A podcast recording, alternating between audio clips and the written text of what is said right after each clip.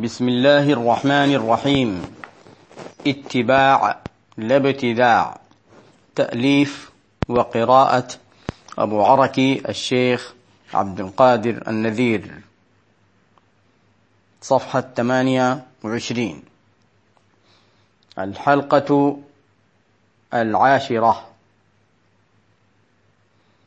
عنوان أمثلة لما أحدثه الصحابة رضي الله عنهم في حياة النبي صلى الله عليه وعلى آله وصحبه وسلم.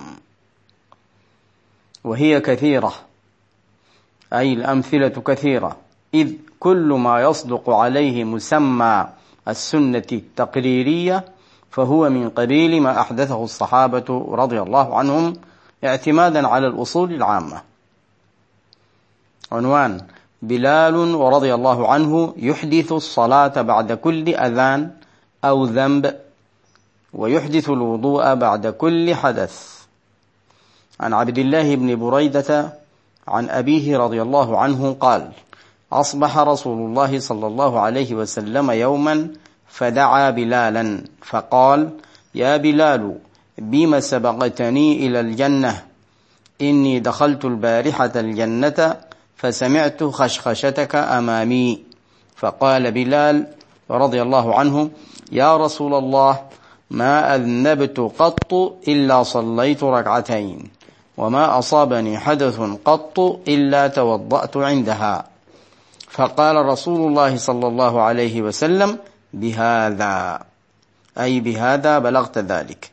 أخرجه ابن خزيمة رقم 1209 وفي رواية الإمام أحمد وغيره قال بلال ما أذنت قط. الحديث.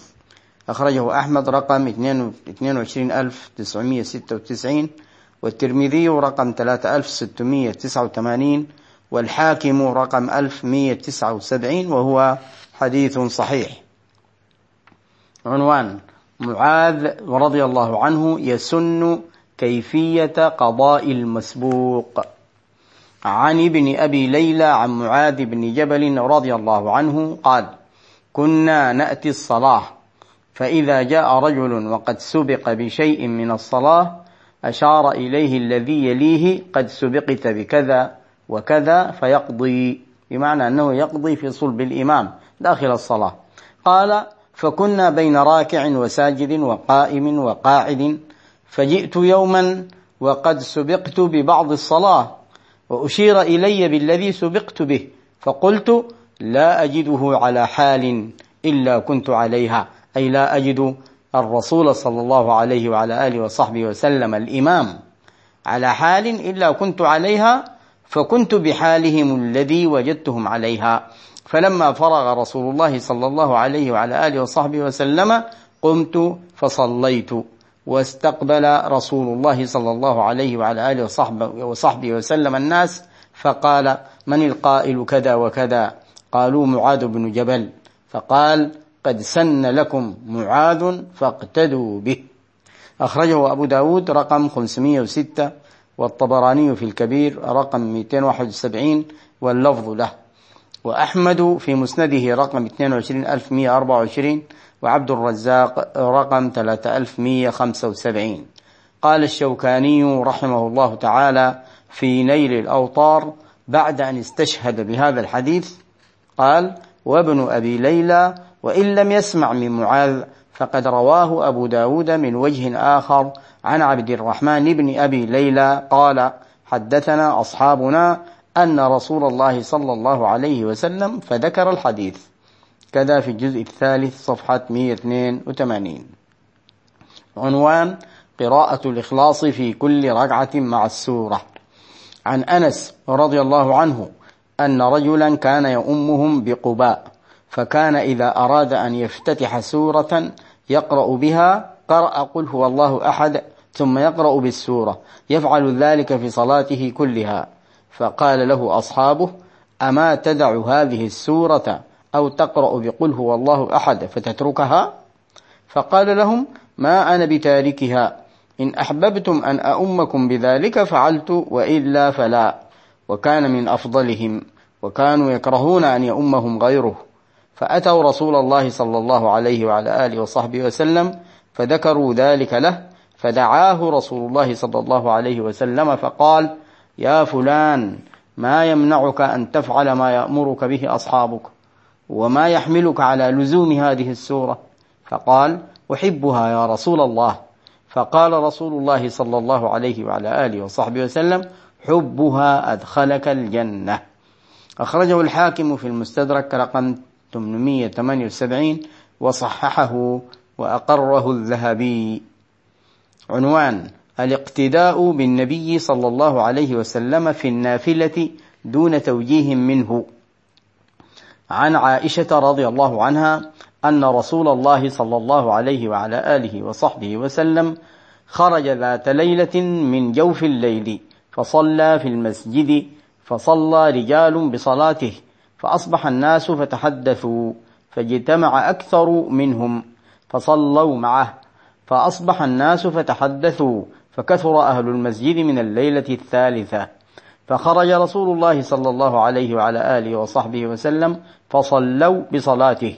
فلما كانت الليلة الرابعة عجز المسجد عن أهله حتى خرج لصلاة الصبح فلما قضى الفجر أقبل على الناس فتشهد ثم قال أما بعد فإنه لم يخف علي مكانكم لكني خشيت أن تفرض عليكم فتعجزوا عنها. أخرجه البخاري رقم 924 وعن عتبان ابن مالك رضي الله عنه أن رسول الله صلى الله عليه وسلم صلى في بيته سبحة الضحى فقاموا وراءه فصلوا بصلاته. أخرجه أحمد رقم 23773 وابن خزيمة رقم 1231 وهو حديث صحيح. عنوان إدخال جملة الصلاة خير من النوم في أذان الصبح. عن سعيد بن المسيب عن بلال رضي الله عنه أنه أتى النبي صلى الله عليه وسلم يؤذنه بصلاة الفجر فقيل هو نائم فقال الصلاة خير من النوم الصلاة خير من النوم فأقرت في تأذين الفجر فثبت الأمر على ذلك. أخرجه ابن ماجه رقم 716 وسنده صحيح. والطبراني في الأوسط رقم 4158 عن أبي هريرة رضي الله عنه ورقم 7583 عن عائشة رضي الله عنها. وفي الكبير رقم 1081 عن حفص بن عمر عن بلال رضي الله عنه أنه أتى النبي صلى الله عليه وعلى آله وصحبه وسلم يؤذنه بالصبح فوجده راقدا. فقال الصلاة خير من النوم مرتين. قال النبي صلى الله عليه وعلى آله وصحبه وسلم ما أحسن هذا يا بلال؟ اجعله في أذانك. عنوان خبيب رضي الله عنه يسن الصلاة عند القتل. عن أبي هريرة رضي الله عنه الحديث في خبر خبيب رضي الله عنه وقتله وفيه قال لهم خبيب ذروني أركع ركعتين. فتركوه فركع ركعتين ثم قال لولا أن تظنوا أن ما بي جزع لطولتها. اللهم أحصهم عددا ولست أبالي حين أقتل مسلما على أي شق كان في الله مصرعي. أو كان لله مصرعي الأبيات. فقتله ابن الحارث فكان خبيب هو من سن الركعتين لكل امرئ مسلم قتل صبرا. أخرجه البخاري رقم 28 رقم 2880 عنوان الزيادة في ألفاظ التلبية. عن محمد بن أبي بكر الثقفي قال سألت أنسا ونحن غاديان من منى إلى عرفات عن التلبية. كيف كنتم تصنعون مع النبي صلى الله عليه وعلى آله وصحبه وسلم؟ قال كان يلبي الملبي فلا ينكر عليه ويكبر المكبر فلا ينكر عليه. وفي رواية مسلم فمنا المكبر ومنا المهلل ولا يعيب أحدنا على صاحبه. أخرجه البخاري رقم 927 ومسلم رقم 1284 وعن جابر بن عبد الله رضي الله عنهما قال أهل رسول الله صلى الله عليه وعلى آله وصحبه وسلم فذكر التلبية. قال والناس يزيدون ذا المعارج ونحوه من الكلام. والنبي صلى الله عليه وعلى آله وصحبه وسلم يسمع فلا يقول لهم شيئا.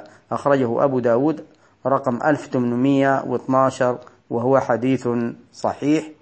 ونواصل بإذن الله تعالى في المرة القادمة آه، فيما أحدثه الصحابة رضي الله تعالى عنهم في حياة النبي صلى الله عليه وعلى آله وصحبه وسلم.